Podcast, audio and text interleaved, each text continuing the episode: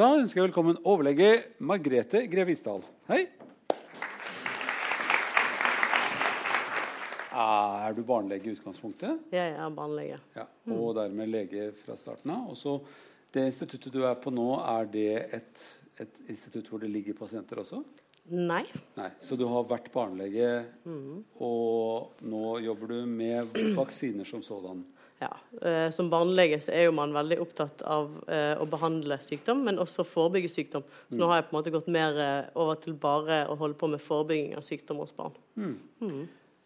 Hvis du blir med meg på den der reisen tilbake som handler om at vi lever i symbiose med bakterier, og kanskje har inkorporert dem til og med i hele vårt kroppssystem, eh, så er vi også opptatt av alle de bakteriene som er ganske fiendtlig i forhold til vår kropp, som vil overta, og kanskje syns det er gøyere at de har vår plass, at ikke nødvendigvis vi lever samtidig. Nei. For det, for det er en ganske skummel ting. ja, At ja, ja. vi omgås bakterier som potensielt kan drepe oss for å ta det materialet vi er laget av, og lage bakterier. Eh, de, alle de som syns det var vanskelig, kan se Star Wars. Ja. For der er det også de onde kreftene. Ja, ja. Men der har jo vi skodd oss så rikelig med eh, gjennom disse tidene, som er menneskets utvikling, å lage et slags immunapparat som kan ta veldig mange fiender uten at vi gjør noe særlig. Skal vi ikke, fordi vi kan så mye til sammen, fortelle alle de som syns de kan for lite om immunapparatet, skal vi ikke fortelle dem hvordan immunapparatet fungerer Jo. når det gjelder bakterier. For det er litt sånn lumpent å bare snakke som alle vet, og så vet ikke alle. Og det vet jeg at alle ikke vet. Ja. Så hvis vi da begynner helt på begynnelsen og sier at immunapparatet er til nærmest for å ta alle som er fremmede i vår kropp, som ikke vi sier 'disse her er vennene våre', de trenger vi i tarmen for å, å melte maten, og de trenger vi her og her. Så alle de andre de er de lært opp og lærer, læres opp til å finne ut, finne ut hvem er, og så egentlig ta knekken på dem. Hvem er det som er disse cellene? Altså Immunapparatet, hva består det av? Kan ikke du begynne? Jo, det viktigste delen av immunapparatet vårt det er det som kalles for de hvite blodlegemene. Som er, seiler rundt i kroppen i blodbanen, og også befinner seg i eh, lymfevev og i benmargen. Eh, og i milten og i leveren, først og fremst der. Og når du sier lymfevev, kan ikke vi bare Man kjenner jo av og til at man får sånne klumper Ja. på halsen, Ja. særlig når man er forkjølt. Ja. Og det er jo nettopp fordi at det er kommet noen inn som Som gjør at eh, de blir stimulert i de områdene de ligger i, i lymfeknutene, sånn at de kan bli hovne. Og det kan også være litt økt blodgjennomstrømning og sånn i de lymfeknutene som kan være med på å gjøre, å gjøre at de blir hovne. da. Så det betyr egentlig at immunapparatet er i, i virksomhet. Når man får litt Mm. sånne hovne kjertler, så betyr det at nå er det noe på gang. Nå jobber de. Ja. Og det er ikke sikkert vi merker. Det Mm. Nei, som Når de begynner å bli hovne, så merker vi det jo ofte, men ikke alltid Men de, så mye. Men de blir ikke syke noe sted nødvendigvis, nettopp Nei. Fordi at de blir litt hovne og Mm. jobber. Så hva er det disse hvite blodlegemene gjør? Nei, altså de har jo, det finnes mange forskjellige Hvite blodlegemer er litt sånn sekkebetegnelse. Så det finnes jo mange forskjellige eh, typer hvite blodlegemer. Og noen av de er oppdratt holdt jeg på å si, til å bare spise alt fremmed de kommer over, og også alt som er ødelagt som de kommer over. Eh, og så er det noen som er mer spesifikke, som på en måte er, eh, først reagerer når eh, disse spisecellene kommer over noe fremmed. Så blir de på en måte rekke, andre rekke da, som blir satt i gang. Så, så det, det, er nesten noen av disse blodlegemene, og de kalles som B- og T-lymfocytter, de Mm. kom fra blodmargen. Eh, eller, og noen fra et rart organ som heter thymus. Det Mm. lurte jeg alltid på hva var. Inntil man eh, går på restaurant og får brissel servert. Mm. Kalvebrissel. tenker man eh, Og det smaker litt sånn kvalmt hvis dere har spist kalvebrissel. Og hvis det er noen som prøver å servere dere oksebrissel, så må dere bare le av dem. For oksene har ikke brissel. Da er de blitt så store at da finner man det ikke. Så det er kalver og det er små barn som har brissel. Vi voksne vi har bare en liten streng, for da er liksom alle disse cellene opplært. Og, og da er det ikke noe vits med brissel lenger. Men, og disse, disse, disse hvite blodleggene de kan rett og slett eh, være helt spesifikke og ha én oppgave med alle seg og sine holdt jeg på å si, slektninger Og finne den og den bakterien mm. eller den og den virusen eller det og det fremmedtingen i kroppen. Altså, alle eh, lymf disse lymfocyttene de er på en måte allerede laget fra eh, tidlig barndom eller fra fosterlivet til at de skal reagere på en spesiell eh, protein på et, noe fremmed. Mm. Og De som på en måte reagerer på eh, kroppens eget vev, de blir på en måte luket ut ganske tidlig. Sånn at Det du sitter igjen med, er de som skal reagere på noe fremmed. Du kan nesten sammenligne det med eh, nøkler og en lås. Alle går rundt med nøklene sine, og så skal de på en måte prøve å finne denne låsen som passer. Og Veldig ofte så passer jo ikke låsen, men plutselig en dag så kommer det en bakterie som har akkurat den låsen som passer, og da blir jo den B-lymfocytten eh, veldig stimulert rett og slett, til å begynne å dele seg. Eh, og etter hvert som B-lymfocytten deler seg, så eh, vil det for hver deling da kanskje forandre litt på nøkkelen for å se om den passer bedre. Og Hvis den passer bedre, så blir den enda bedre stimulert, og hvis den passer dårligere, så blir den lukket ut. Sånn at du i løpet av en immunrespons så vil du på en måte få en justering av eh, eh, hvor godt den passer til den bakterien, og blir mer og mer effektiv. da. Og det er ikke sånn at disse eh, lymfocyttene som du nå snakker om, som er de hvite blodleggene, at de liksom står der med den nøkkelen og bare venter på at det er noen som skal komme forbi og låsen skal passe.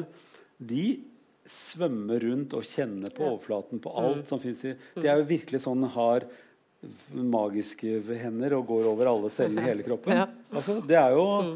Sånn jobber de, for de er jo, svømmer jo rundt overalt. Mm. Så dette, vårt immunapparat det er på en måte alle steder mm. og spesifiserer seg i hva heter det, spesialiserer seg i å finne den fienden. Mm. Og som du sa, alle de som da reagerer på feil ting, mm. da, da, kutter rett og slett kroppen ut disse cellene og spiser dem opp. Mm. Og det kan dere lese mer om en annen gang. Men ja. Eh, vi skal snakke mer om, om, den delen hvor altså, vi har funnet ut at ved å bruke en vaksineteknikk, putte noe inn i kroppen, så kan man sette i gang immunapparatet til å lære seg en sykdom som de egentlig ikke har vært borti. Mm. Rett og slett for at man ikke skal få den sykdommen og bli så dårlig at man f.eks. dør. Vaksiner er på en måte trening. Det er trening for de tingene som kroppen ikke har selv, som du sier, som, som kan være farlige. Sånn at man da, uh, Vaksiner kan man lage på forskjellige måter, men felles for alle sammen er at de er nødt til å inneholde en uh, del av et virus eller en bakterie som på en måte er den farlige delen. Enten det er hele bakterien eller viruset, eller er det bare deler av den. Og den kan være levende, eller det kan være dødt, som det som blir satt i vaksinen men det må på en måte være noen proteiner på overflaten som gjør at immunapparatet reagerer på at dette er fremmed, og så stimulerer du immunapparatet. Og da er det med disse B- og T-lymfocyttene. T-lymfocyttene sa vi ingenting om, men de hjelper B-lymfocyttene. Og i tillegg så er det de som på en måte reagerer på virus, for da er betennelsen inni cellen og ikke utenfor. Og de blir da stimulert av at det kommer et, um, noe fremmed. Og det tar litt tid. For først så skal det spises, og så skal det reageres, og så skal, det opp, eh, så skal disse B-lymfocyttene og T-lymfocyttene dele seg. Og det kan ta opptil en uke eller to. Mm. Sånn at Hvis det hadde vært en farlig sykdom, så hadde bakteriene eh, formert seg mye mye fortere enn det immunapparatet hadde rukket å reagere på. Kan vi nå spole litt tilbake? Nå er du veldig flink, veldig kort. Men det du, det du sa, er at når vi får La oss si at du får en farlig bakterie i kroppen. Mm. Så går det en stund før immunapparatet klarer å skjønne hva det er. Mm. Lære opp nok eh, hvite blodlegemer til å ta dette her. Mm. Og i den perioden mm. så kan man bli så sjuk at sykdommen får tak. Mm. Ok. Vi tar en liten pause. Og så spør jeg deg om eh, starten på at man oppdaget dette systemet. Altså, for Hvis vi går helt tilbake, så er alle som da har lest noe om vaksiner, dukker, så dukker Jenner opp. altså en her, mister i, London eh, og var lege. Og han ble Ordet eh, vaksine er jo egentlig eh, Dere som kan litt grann latin eller spansk, vet at ku på, på spansk hvert heter vaca, altså vacca. Og kukopper heter da vaksine eller vakine. Og det er utgangspunktet for at det heter vaksine. Så det var kukopper som var starten på at man oppdaget vaksinering. Ja, det begynte egentlig før det med selve kopper, hvor det var i Østen, så, så var det egentlig ganske utbredt at de så at de som på en måte bare fikk litt grann av koppesykdom, som var en fryktelig, fryktelig sykdom eh, som Fortell litt eh, om hvor fryktelig den er. ja. Altså det, var, eh, det er jo en virussykdom som, eh, som ga veldig store blemmer med veldig sånn tyktflytende innhold. Eh, og hadde veldig høy dødelighet. 30% av de som fikk det, døde. Og man regnet med at rundt 60% av befolkningen hadde kopper. Og de som overlevde, de fikk veldig stygge arr. Så det var jo også fryktet, eh, ikke bare fordi du kunne dø, men også fordi at du hele tiden eh, resten av livet ville minnes at du hadde hatt kopper med alle disse her arrene du fikk. Eh, og i Østen så var det visstnok utbredt at man tok litt puss da, fra noen av disse her koppene. Ja, og så sånn- kunne man rispe det i huden på et friskt menneske og håpe at det liksom da ville være nok. Så de hadde, det var på en måte der ideen kom fra. Men det var jo ganske risikabelt å ta ekte koppevirus, og, eller puss fra ekte koppepasienter og sprøyte inn. For da kunne du også risikere at de som da fikk den, den, det rispet, at de også døde av kopper. Eh, og, men det var faktisk utbredt i Europa Eller ikke utbredt, men det var i hvert fall utprøvd i Europa. Og det sies også at Marie Antoinette også gikk gjennom dette. For hun var jo fryktelig redd for at hun skulle få disse arrene i ansiktet, hun som var så vakker. Uh, og derfor så var hun en av de som Det er morsomt når hun du var redd for å få arr i ansiktet når du vet hvordan det gikk med hodet hennes. Det ble jo bare shoppet av. Dette vakre, ikke-koppede ansiktet. Men eh, så ille kan det gå. Eh, Og så kom det videre da, til kukopper. Hvor ja. da disse bøndene i England, i Dorset i England de, eh, Det var egentlig Jenner som har fått æren, da, en lege, landsbylegen som het Edward Jenner. Men egentlig så var det visst de andre bøndene i området, og spesielt en som het Benjamin Jester, som, som eh, fant dette her, da, at eh, hvis du tar de, disse budeiene de hadde så fin hud. Eh, De var sånn røde, rosete skinn og fint, men de hadde ofte kukopper på hendene. Eh, men aldri, fikk aldri disse her skjemmende arrene og døde ikke av kopper. Eh, så det var han, egentlig han som tenkte at kanskje man kunne bruke kukoppepusse istedenfor å bruke kopperpusse. Mm. og testet det ut, men Men det er egentlig en kusykdom, altså. ja, det er en kusykdom. Ja. Som eh, typisk ble overført ved kontaktsmitte antageligvis mellom jura og budeiene, siden de fikk det på hendene. Eh, og eh, han gjorde dette, og så oppdaget Jenner da, men, eh, at, at de holdt på med dette her i, i, på gårdene rundt omkring. Og så gjorde han det da vitenskapelig. Så det er han som på en måte har gjort det kjent og, og eh, jobbet veldig hardt for å få dette gjennom i eh, det engelske medisinske miljøet, som var fryktelig skeptiske til det han kom med. faktisk. Han jobbet ganske lenge for å få gjennomslag. Men det han gjorde da, var at han tok eh, gartnerens sønn, som var åtte år gammel, og så tok han eh, kukopperpuss eh, og sprøytet inn i huden hans. Og så åt, fire eller åtte uker senere så tok han ekte koppepuss og sprøytet inn i da, denne gartnerens eh, sønn. For han var så sikker på at dette kom til å gå bra. Og heldigvis så gjorde det jo det. Men jeg tror ikke det er en sånn medisinsk forsøk som hadde vært lov til å gjennomføre i dag. Men det er så typisk medisinsk at man gjør det på noen andre. Ja. Ja. Dette går så fint, sier vi, og så gir vi på den andre. Eh, men det gikk bra eh, med denne sønnen, Ja. Han var antagelig sterk og fin likevel. Ja eh, men eh, det, dette er starten på vaksine, og det er helt.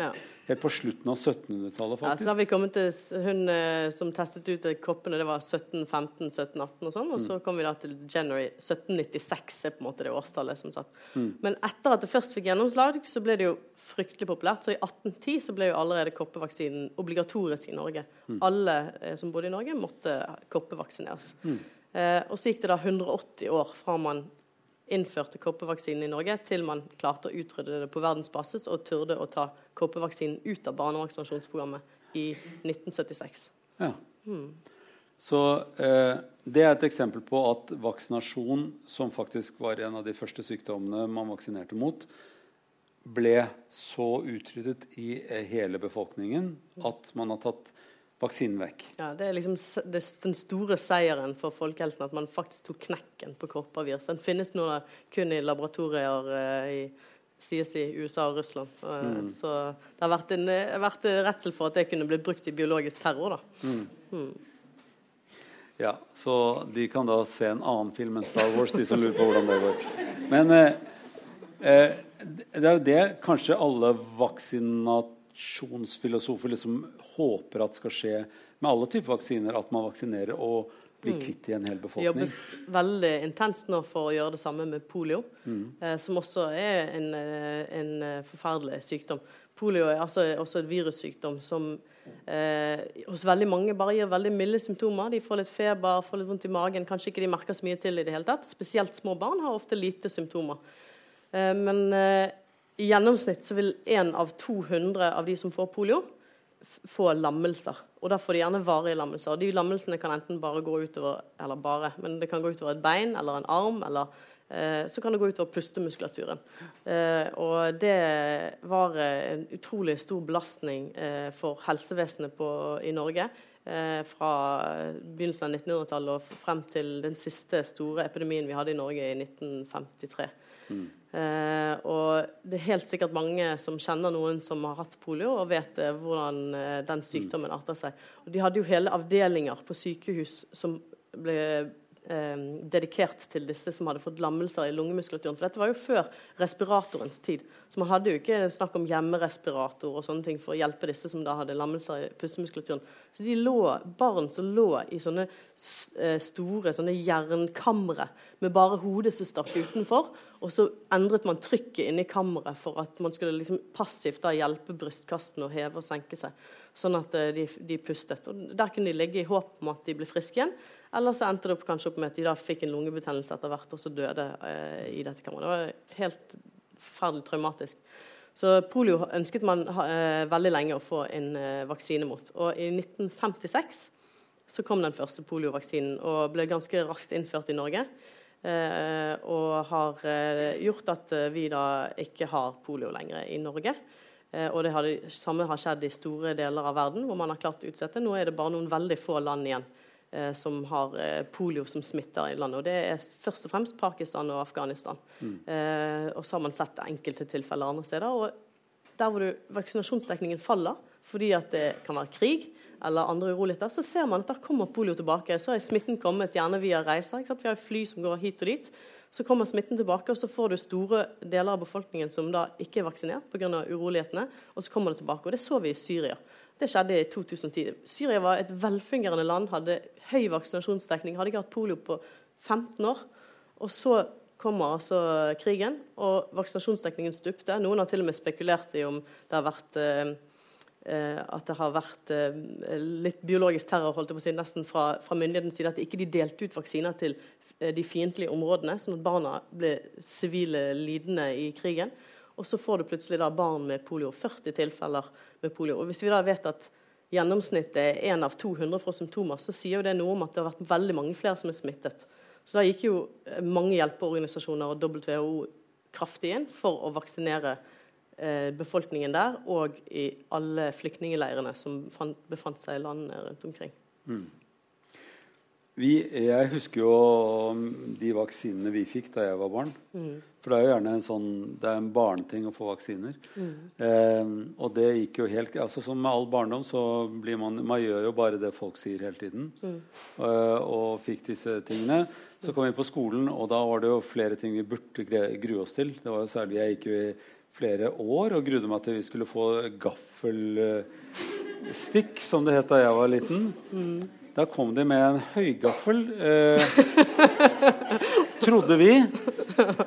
Og, og det ble man stukket antageligvis i rumpa. Og, og så var man vaksinert mot uh, gaffel, antageligvis. Eh, eh, men det skjedde jo ikke. Vi, fikk, eh, vi ble rispet i armen. Jeg har fremdeles noen arr. Eh, og, så kom det en dame med noe som svidde en sånn liten ting. Og så hadde hun en ting hun målte med en liten slags linjal etter det var gått en uke. Eh, og så fikk vi noe stikk i armen, og det het BCG-en. Eh, så, så det, jeg ante ikke hva de drev med. Hvorfor de drev og plagde alle oss andre med disse stikkingene og rispingene og, og pirkingene, som vi kalte det. Pirkeprøve kalte vi det. Eh, som var selvfølgelig oppkalt etter monsieur Pirquet, og ikke noe, ikke noe pirking. Men eh, så at vi har jo gjort jeg, har gjort jeg har latt meg påføre ganske mye eh, vaksineting. Nå gjør jo helsesøster dette her uten at man sier hva det er for noe engang. Det er bare sjup, sjup, sjup, så, så er du vaksinert. liksom, Punktum ferdig. Og nå er det ikke så mye pirking og slåing eh, lenger. Eh, og ikke noe gaffeltrykk. Eh, eh, hva er det som har skjedd med vaksinene siden dette her plutselig er blitt så bare en del av alle rutinene? Som å, når man får barn, så driver man med Ja, jeg tror nok at sikkert mange helsesøstre vil være litt uenige med at det er bare noe man gjør. For jeg tror nok at de jobber ganske mye, og de skal jobbe mye med å informere om vaksinene på forhånd. Eh, så eh, det gjøres for å forklare hvorfor, hvorfor trenger vi disse vaksinene ikke ikke vi ser sykdommen lenger. Det kan jo være litt vanskelig for noen å forstå. For vi har jo ikke polio i Norge. Vi har ikke hatt noe polio her. Siste tilfelle 1992. Hvorfor trenger vi det da? Jo, det er jo fordi at disse sykdommene finnes jo fortsatt rundt omkring i verden og i Europa. Og eh, vi reiser, og folk reiser til oss. Og du er på en måte ikke kvitt det smittepresset, selv om det da forsvinner i Norge. Og vi er nødt til å opprettholde en høy vaksinasjonsdekning i Norge for å sørge for at ikke sykdommene kommer tilbake. Eh, så det er eh, både det at man trenger den individuelle beskyttelsen, men også det at vi må opprettholde det som vi kaller for flokkbeskyttelsen. Det er et veldig ja, viktig dette må vi snakke litt begrep. grann om. Fordi at Én ting er nå at alle vi som da er friske, får vaksinasjon og ikke merker noen ting. Altså, jeg husker at man ble litt sånn øm i armen. Noen ble litt forkjølelsesaktig av å bli vaksinert. Eh, og nå er det et helt sånt vaksineprogram at man går gjennom den og den alderen, så går man, får man en del vaksiner. Eh, men, eh, så de fleste merker jo ikke noe til at de er immune mot dette. Nei. Vi blir bare ikke sjuke av det. Eh, og så er jo det noen som ikke får vaksine fordi at de blir frarådet å få vaksine. Fordi det enten hvem, hvem er det som ikke skal vaksineres, f.eks.? Nei, altså Det kan være litt forskjellige grunner. Eh, det kan være noen som har veldig kraftig allergi. Eh, det er veldig få egentlig allergikere som ikke skal ha vaksine, men det fins noen. Eh, det kan være pasienter som har immunsvikt, eller som står på medisiner som reduserer immunforsvaret. De skal ikke ha i hvert fall ikke levende vaksiner. De virusene som, eller, og bakteriene som man gir i vaksine, som er såpass svekket at de ikke gir sykdom hos immunfriske, men hos immunsyke, så kan det være nok til at de blir syke. De skal ikke ha. Og så er det jo også da eh, mennesker som gjennomgår veldig kraftig cellegiftbehandling, f.eks. Barn som får cellegiftbehandling. Eh, og så er det selvfølgelig de som er for små til å bli vaksinert. Vi starter ikke vaksinasjonsprogrammet idet du blir født. For de fleste, altså de fleste vaksinene starter jo en gang i spedbarnsalderen. Eh, og noen enda senere. Eh, MMR-vaksinen f.eks. ikke før 15 måneders alder. Og da er du jo utsatt for å bli syk i den perioden før du får den første vaksinen. Så alle vi andre som da ikke får sykdommen, vi er potensielt også beskyttere av de andre fordi vi ikke har noe å smitte dem med. Altså vi som da ikke, ikke får sykdommen og er vaksinert, vi kan heller ikke bli smittet og dermed spre denne smitten. Og dermed beskytter vi de få som ikke kan bli vaksinert av en eller annen grunn, enten fordi de er for små eller for syke eller, eller for gamle eller altså svekket på en eller annen måte. Så vi som da er vaksinert, vi er en beskyttelse for de som da ikke kan vaksineres. Og, det, og den nivået man trenger av vaksinasjonsdekning for en enkelt sykdom, det vil jo være eh, avhengig av hvor smittsom sykdommen er. Eh, og F.eks. meslinger da, er det mest smittsomme. Det og kikhoste egentlig de to mest smittsomme sykdommene vi har. Og meslinger så har man gjort sånne beregninger at hvis du har én person med meslinger, så vil de smitte 14-18 eh, andre eh, som ikke er vaksinert, som er mottakelige. Til sammenligning så vil influensa, som vi syns er fryktelig smittsomt, det vil kanskje bare smitte 1,2. Altså, det vil si at én person med influensa smitter én ny, eller kanskje én, to. Noen smitter én, og noen smitter to. Da, for å si det sånn. Hvis vi tar noe som, som er så lite smittsomt som hiv da, Man skal jo jobbe veldig mye for å få hiv. Altså, det, er, det er veldig lite smittsomt. Ja? Eh, hvis en med hiv Hvor mange kan en med hiv smitte? det, nå er jo ikke hiv en vaksinesykdom, da, så er ikke, det er ikke mitt sterkfelt. Men jeg, tror, jeg lurer på om jeg ikke har lest en gang at det er en 200-dels sjanse eller noe sånt. Så det for å bli er smittet. veldig liten sjanse for å smitte med hiv. Og desto mye mer smittsomt med, med meslinger. Da. Så med meslinger da, så trenger man faktisk å ha en beskyttelse i befolkningen. Og der smitter han med meslinger. Så. Sånn, en som hoster ut litt, grann, og da kan du smitte altså 13 personer hvis du hadde hatt meslinger. Ja, Er det sant? ja. Det er bare et nys. Ja, det, altså, eh, ja, Du må i hvert fall ha en veldig høy vaksinasjonsdekning for å slippe. Og Det man så, det som gjorde at meslinger ble så veldig hett i fjor, da, for Mm. de som ikke fikk det med seg, så var jo altså det et utbrudd som startet i, i Disneyland eh, i USA. Eh, hvor det var Det er veldig ironisk at det begynte begynte i det Disneyland. er veldig ironisk at det Ja. begynte i Disneyland. Og nesten litt sånn skrekkfilm. Ja, og litt sånn latterlig, merker jeg. Ja. Ja. Men da var det altså en eh, ansatt som eh, hadde meslinger, og som kanskje nøs, eller hostet iallfall, ut i området. Og gjorde at veldig mange turister ble syke. Det var barn som ikke hadde rukket å få vaksine ennå. Vet vi om den ansatte var inni et kostyme av f.eks. Donald Duck eller noe sånt nå? Og antakeligvis vært uten kostyme, tenker jeg. Ja, okay.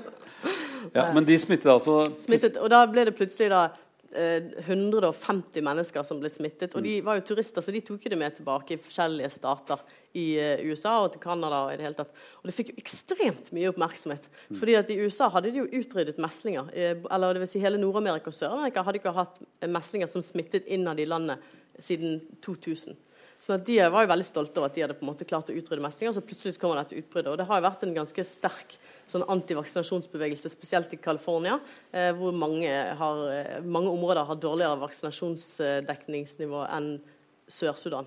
Eh, sånn at du har på en måte 50-60% som er med vaksinert i Sør-California i enkelte områder, mens i Sør-Sudan så har du 70 mm. ja. Og da smittet. Det er også ganske ironisk, merker jeg. Eh, eh, at man er så høytstående at man tror at man er ikke-smittbar. Mm.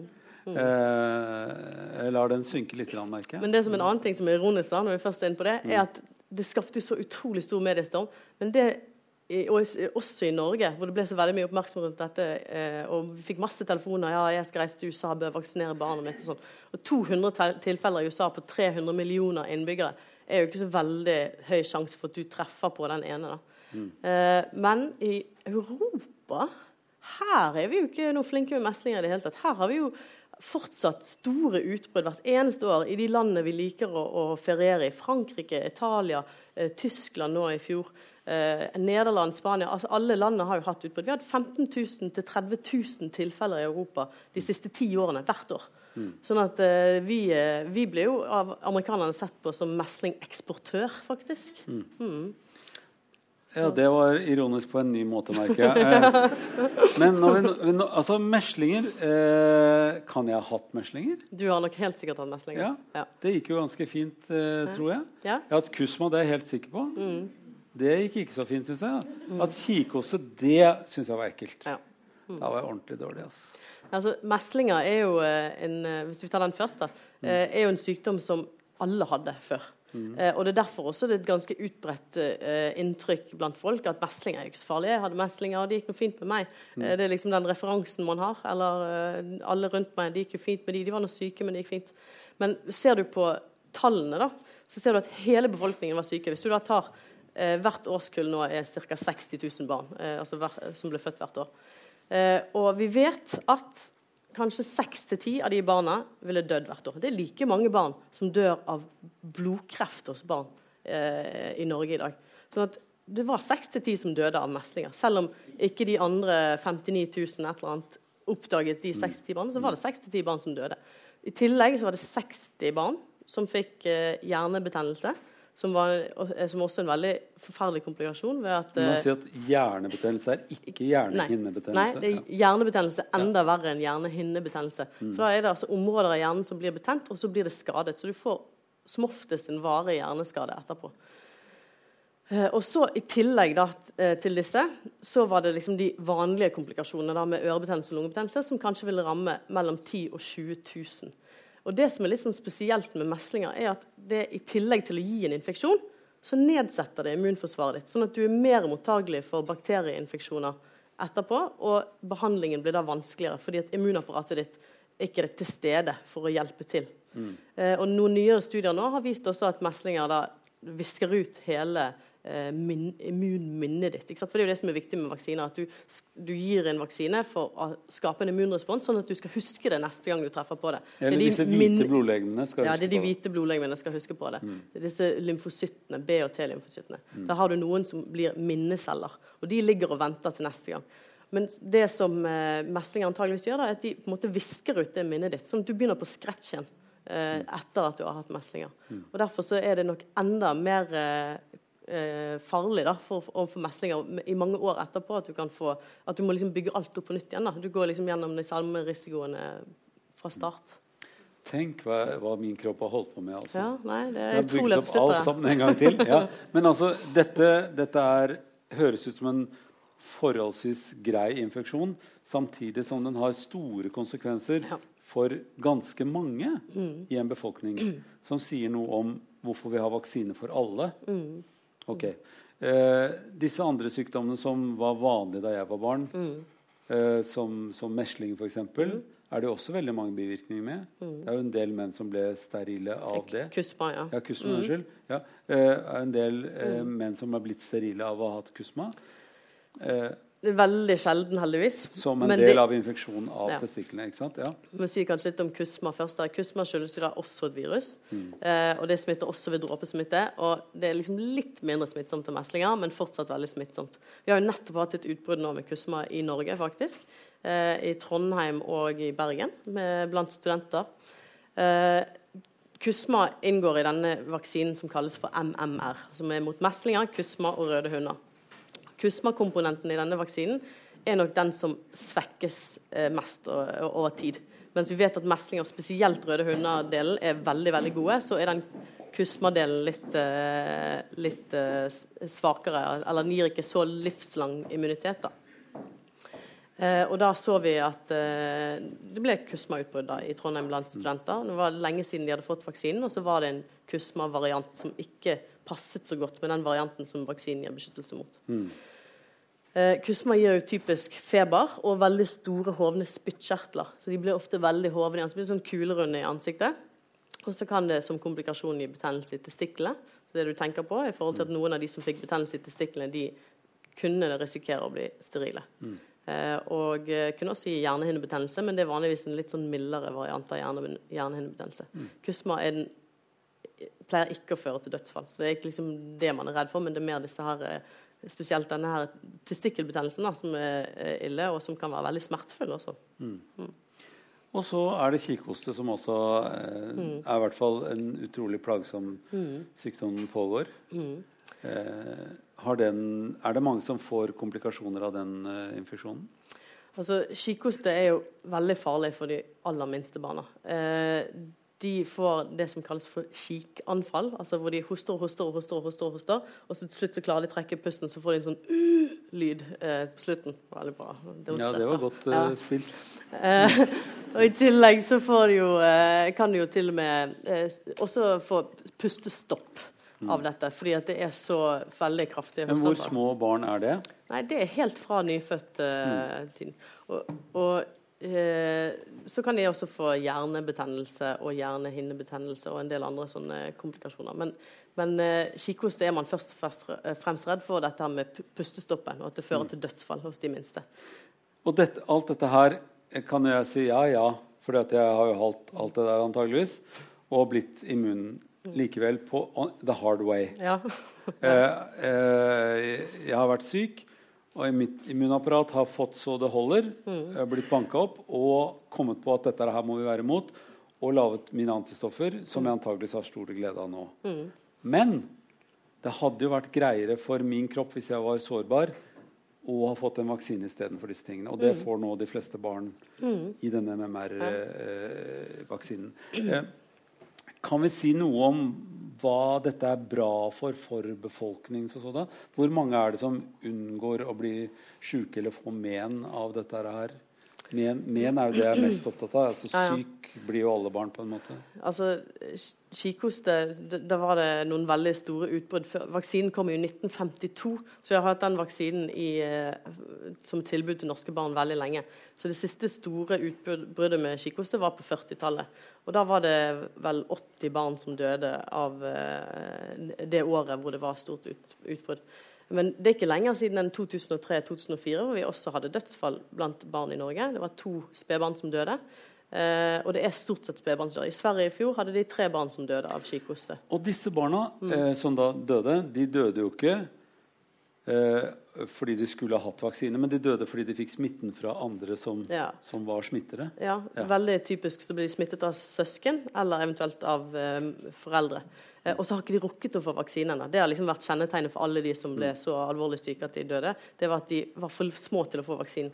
Det tidligste man kan gi den vaksinen, er ved seks ukers alder, men anbefalingen i Norge er ved tre måneder fordi at man har generelt lite kikhoste. Vi har ikke noen grunn til å gi det så tidlig som seks uker, men det gjør de i en del eh, afrikanske land bl.a. For de starter tidlig hvor de er redd for å miste barnet før de kommer så langt i oppfølgingen. Så, eh, ja. Men ved utbrudd, hvis man vet at det er et utbrudd i et område, så anbefaler man at man skal fremskynde den eh, første kikhostedosen og så komme i gang med vaksineringen tidligere hvis det er utbrudd. Eh, Men eh, for at nå, det, det er jo for de fleste av oss som da har noenlunde utdannelse, i dette her, så er det jo soleklart at vaksine er en smart ting. Eh, eh, så man tenker at ja, ja, vi burde vaksineres. Men så allikevel så vet vi at det er noen som ikke vil vaksineres.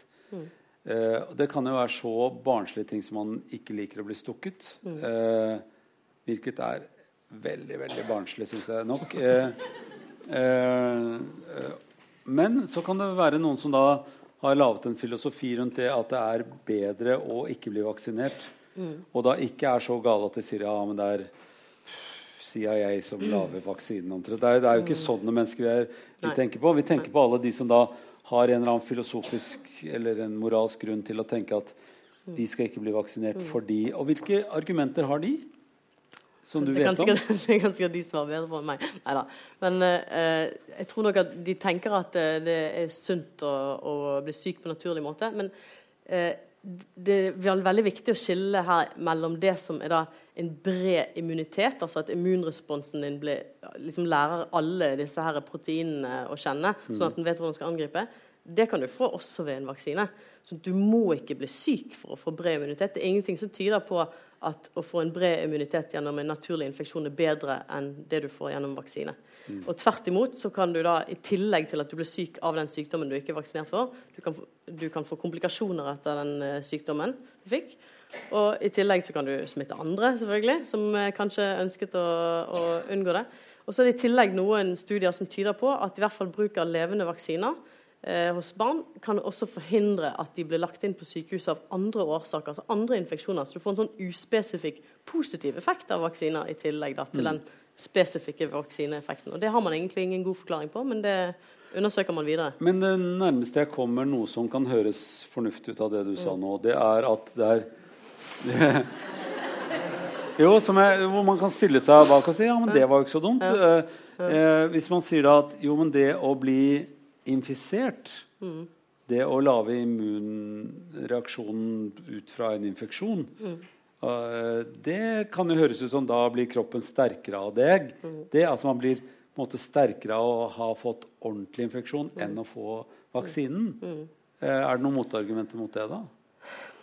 Nei, altså du, du får en eh, Ved å ha sykdommen naturlig, så vil du nok kunne få en både eh, Altså en, i hvert fall en sterkere eh, immunrespons. da. Eh, du får ikke en bredere immunrespons i forhold til de vaksinene som da er hele bakterier eller hele virus, men du vil få en bredere infeksjon. F.eks. kikhostevaksinen nå, da.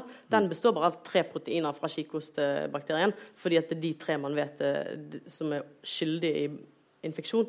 Sånn at Hvis du da har naturlig kikhoste, sånn som du hadde, så vil du ha du har kanskje sånn 100 forskjellige varianter av dine eh, immunstoffer mot kikhoste, mens alle som er vaksinert, bare har tre. Der kan du på en måte si at de har rett i at eh, de får en bredere immunrespons. Men de blir jo syke. Så de risikerer jo på en måte å smitte sitt eget barn eller smitte andre rundt seg. Mens de som er vaksinert, de ble jo ikke syke. Og selv om du da nå er akkurat Den kikhostevaksinen viser seg jo ikke vare evig. Den må jo på en måte fornyes med jevn mellomrom. Og hvis du da er i en sånn periode hvor du ikke har fornyet, eh, og risikerer å bli syk, så vil du vanligvis få en mildere sykdom fordi du er vaksinert. Så selv om ikke vaksinen virker liksom 100% så slipper du å bli veldig syk. Og når du da får en kikhoste og er vaksinert og blir litt syk, mm. så blir jo immunapparatet ditt stimulert på en måte På en bred måte. Ja, ja. Så slipper du å få den svære infeksjonen mm. som du kan bli ordentlig, ordentlig ja, mm. eh, bivirkning død av, holdt jeg på å si. Um, fint. Eh, det var overbevisende for meg, men nå er jeg lett å overbevise over sånne ting som er fornuftig. Altså. Så jeg vet ikke om jeg kan finne på noe ufornuftig å si om dette her, annet enn det at de som, de som, er mot vaksine, de vet vel antageligvis ikke helt hva de er mot. Nei, altså, jeg tror nok, Det er også, det finnes forskjellige grupper med de som er mot vaksiner. Det er en veldig liten andel av de som er sånn helt hardnakket imot. Eh, de får veldig mye oppmerksomhet, men det, de er veldig veldig få av de da. Mm. Eh, jeg tror nok at Den store gruppen av de som ikke tar vaksiner, det vil være de som enten er, ikke føler at de har fått god nok informasjon. Det kan være de som er litt redd for bivirkninger og føler at de ikke får nok informasjon om det. Eh, og så kan det være det at eh, den dagen de skulle få den vaksinen, så eh, var det et veldig viktig møte på jobb, eller var, de var syke selv, eller et eller annet, og så glemte de det. Og så skulle de sette opp en ny time, og så har de glemt det. Eh, og Da er jo egentlig helsestasjonens oppgave å hjelpe å minne på, men det kan glippe der også. Mm. Og Det så vi jo også nå med, etter denne her Disneyland-saken med, med, meslinger. Så var det plutselig en veldig pågang på helsestasjonene på de som kom på at å ja, kul, mm. meslingvaksine eller MMR-vaksine, den har vi glemt. Men jeg vet aldri med USA, det kan jo være at det koster for mye også der borte. Ja, ja. Så at, uh, det har jo ikke vi her, det problemet. Nei. Men Så det å vaksinere seg og ha glemt å vaksinere seg, det er ikke så veldig det er ikke så veldig eh, gode argumenter mot å ikke få det gjort. Eh, men eh, er det noe For det er jo det andre, andre siden av det at man tenker at men, en vaksine har jo også bivirkninger. Vi har jo hørt mm. grusomme historier om mm. narkolepsi mm. og altså, altså sånn mm. søvnsykdom.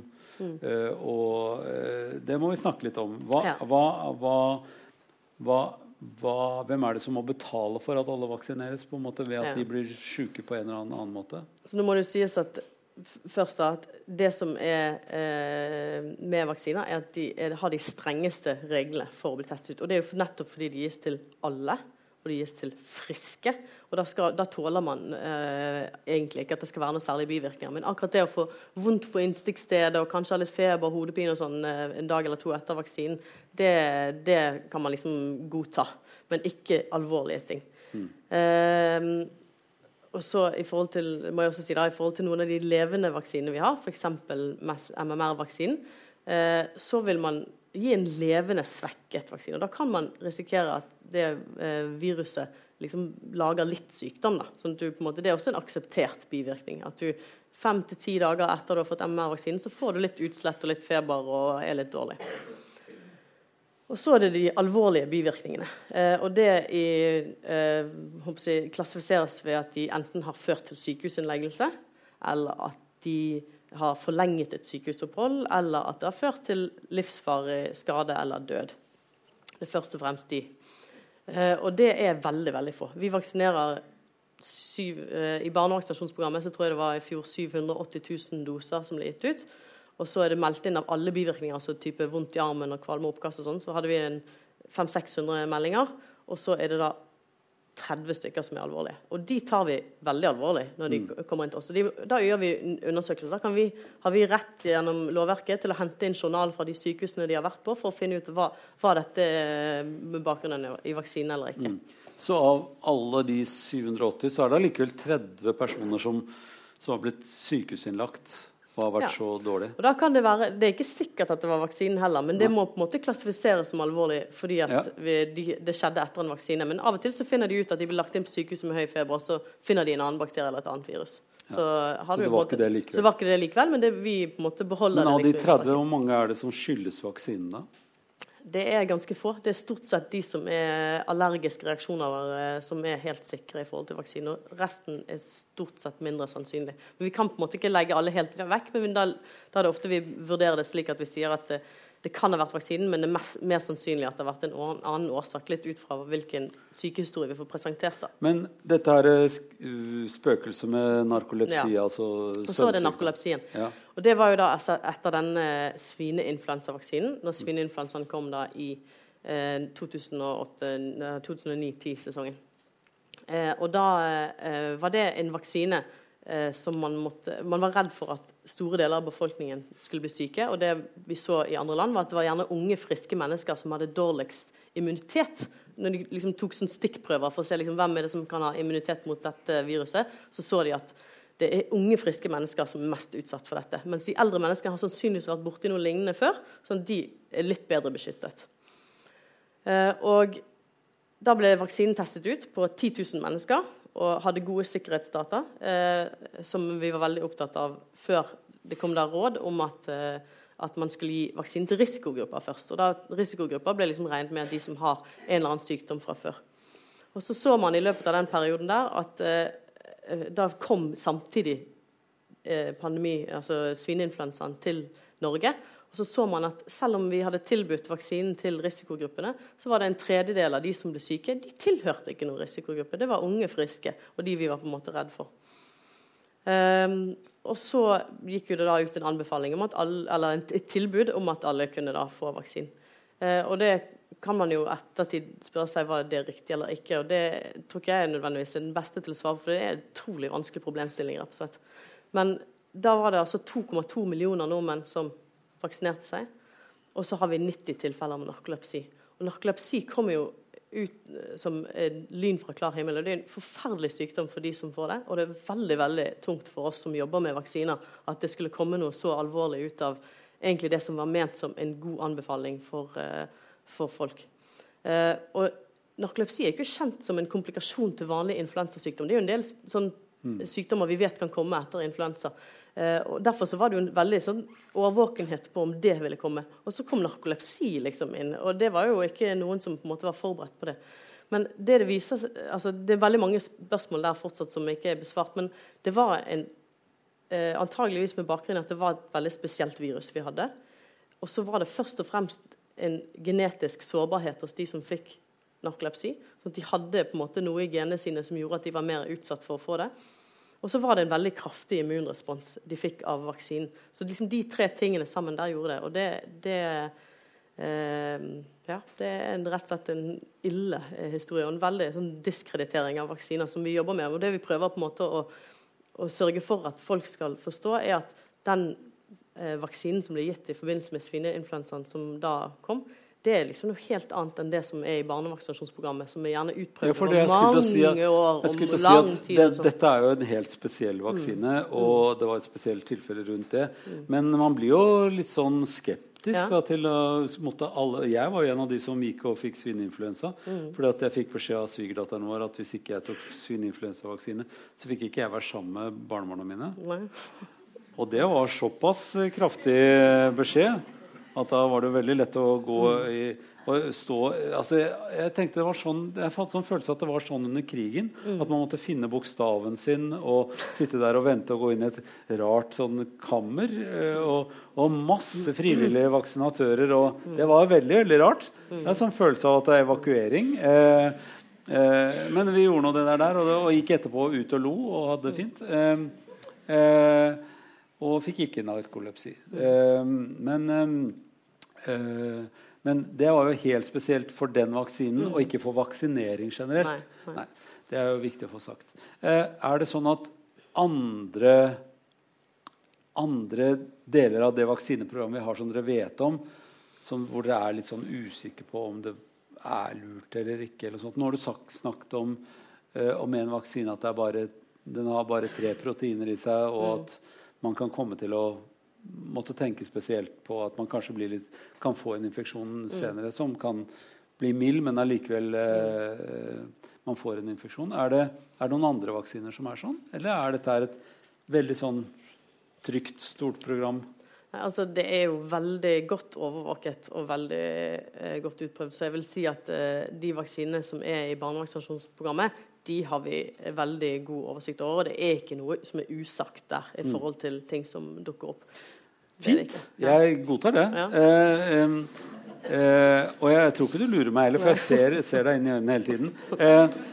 Eh, du, har, du, har, vi har, vi, har, vi har én ting jeg lever eh, med, med, i veldig mye fare for tiden. Fordi at jeg har hytte et sted hvor det er veldig mye flått. Mm. Og dermed borrelia-vidunder eh, rundt oss.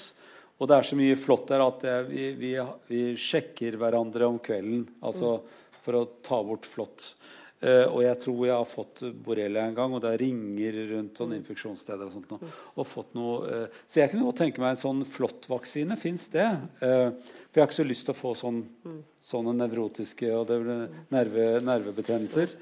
Altså det, etter, etter en, en, sånn infeksjon. Ja, vi har jo vaksiner mot én type flåttsykdom, men ikke mot borrelia. Okay. Eh, borrelia har man ikke klart å lage noen vaksine mot ennå. Men det fins noe som heter skogflåttencefalitt. Ja. Altså hjernebetennelse som skyldes Men det er jo særlig svenskene som driver og styrer rundt med det, er det ikke det? jo, det er veldig mye egentlig i mange sånn skogsområder i Øst-Europa og i Sverige. Ja. Eh, og det har kommet eh, noen flått eh, langs kysten vår også som har den viruset i seg, men det har vært veldig Akkurat lite smitte til mennesker. Akkurat det siste likte jeg ikke av det du sa nå.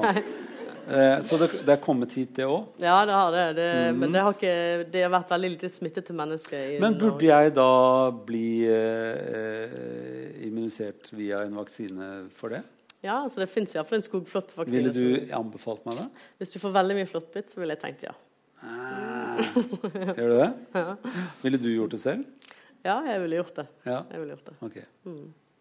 Eh, det skal jeg ta opp i familien. Eh, men eh, er det noen andre ting som man tenker sånn Det der der er en fare som, som kommer til landet? Eller er, er det ikke sånn, eh, et sånt gult lys som blinker eh, for oss som er her?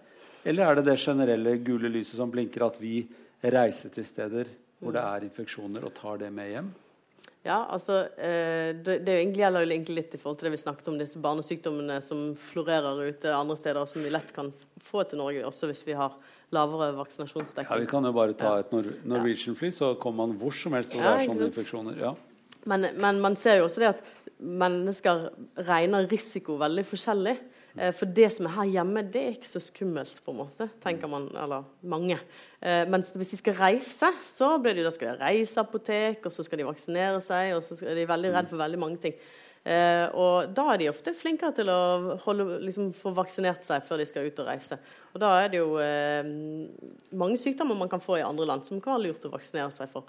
Og det som vi ser er spesielt eh, viktig også, er jo at eh, de som eh, har kommet til eh, Norge fra andre land, som har blitt innvandret til Norge, de opplever jo egentlig ikke det som er i deres hjemland som, så veldig fremmed og skummelt. For de har jo på en måte gjerne vokst opp i det landet, og så flytter de til Norge, og så får de barn her.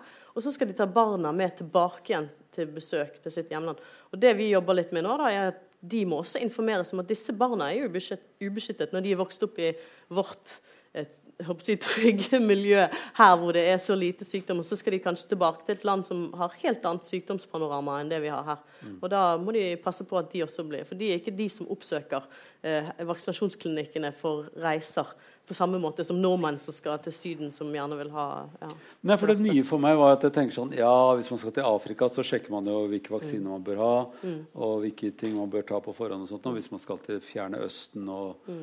eh, og, og, eksotiske steder. Mm. Men jeg opplever ikke Mallorca så, som så veldig eksotisk i denne Nei. sammenhengen. Men du sier også at veldig store deler av, av landene rundt Middelhavet også har infeksjoner vi ikke bør hente med oss hjem til mm. vårt land? Ja, altså eh, Det er nok litt forskjell på middelhavslandene også, da, for å si det sånn. Mm. Men det er jo absolutt eh, det er jo veldig populært å reise til Tyrkia og Egypt f.eks. De har jo en helt annen eh, smittepress der enn det vi har eh, i Europa. Mm. Eh, men også i Sør-Europa kan det være andre sykdommer enn her. Men det som også er viktig, er at man har sine egne barnevaksiner oppdatert også. Mm. At man. Det trenger man selv som voksen. Så skal man hvert tiende år få et påfyll da, av den vaksinen som går mot det som kalles for DTP-polio. Som er altså da difteri, krupp, eh, stivkrampe, kikhoste og polio. Det bør man ha hvert tiende år. Okay. Det er ett stikk med alle de fire. Det er en sånn pakkeløsning. Ja, ja. Mm. Det er jo barnslig å være redd for et sånt stikk. Ja. Eh, men det du sier til meg nå, er at egentlig burde man sjekke om man har de vaksinene man burde ha for å dra mm. egentlig bare til et land som, som er litt lenger sør enn vårt. Mm. Ja. Så øh, det bør ikke være så veldig eksotisk dit man drar før man bør sjekke vaksinene sine. Nei, så Jo mer eksotisk, jo viktigere er det. for å si det sånn da. Men eh, ja. Er det lett å få seg, få seg vaksiner i Norge, eller må man øh, bestille time og Ja. få den om tre måneder? Det er veldig lett for barn å få vaksine i Norge. Det Ja. skal vi være stolte av. Eh, for voksne så kan det være litt sånn blandet. I større byer så har de ofte vaksinasjonsklinikker. Eh, på mindre steder så må du som oftest til legekontoret. Da er det gjerne sånn at du må enten si fra til eh, legesekretæren at du skal ha vaksine, eller du skal ut og reise, og så noterer hun seg kanskje hvor det er, sånn at du kan bestille vaksine, og du slipper å gå først til legen for å få resept, og så gå på apoteket, og så komme tilbake til legen for å få satt vaksinen. Sånn at det blir litt smidigere. Men da må du i hvert fall til legekontoret for å få satt det. Ja. Men de fleste legekontor vet rutinene rundt dette Ja. her. Og, og kanskje når man går til uh, lege, hvis man har sånn, går til lege en eller annen gang Jeg vet ikke hvem som gjør det, men ofte så er det noen som går til lege både titt og ofte. At man kunne ha på sjekklisten sin også Bør jeg få et påfyll av noen vaksiner? Ja. Ja, absolutt. Ja, Så påfyll en, eh, en liten dose med et lite gøyalt stikk. Ja. Eh, det kan være et sånn påminne for de fleste av oss.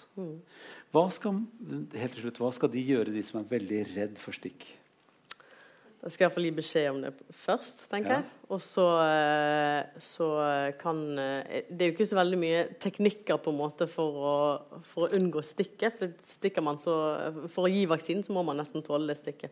Men eh, å prøve å tenke på andre ting og tenke at det går fort over, og at det er faktisk bare et øyeblikk. Og så sier jo selv min datter, som nå nettopp fikk eh, vaksine for noen uker siden på skolen, at det var jo ikke vondt i det hele tatt. Eh, Det var liksom så fort overstått. Så det er jo egentlig det man må prøve å fokusere på, at det, det tar bare et øyeblikk, og så er man ferdig. Og av alle ting man skal grue seg for her i verden, så er det i hvert fall ikke det stikket. Nei. Det var veldig hyggelig å snakke med deg, og veldig hyggelig at dere var her, og at dere andre hørte på. Takk skal dere ha.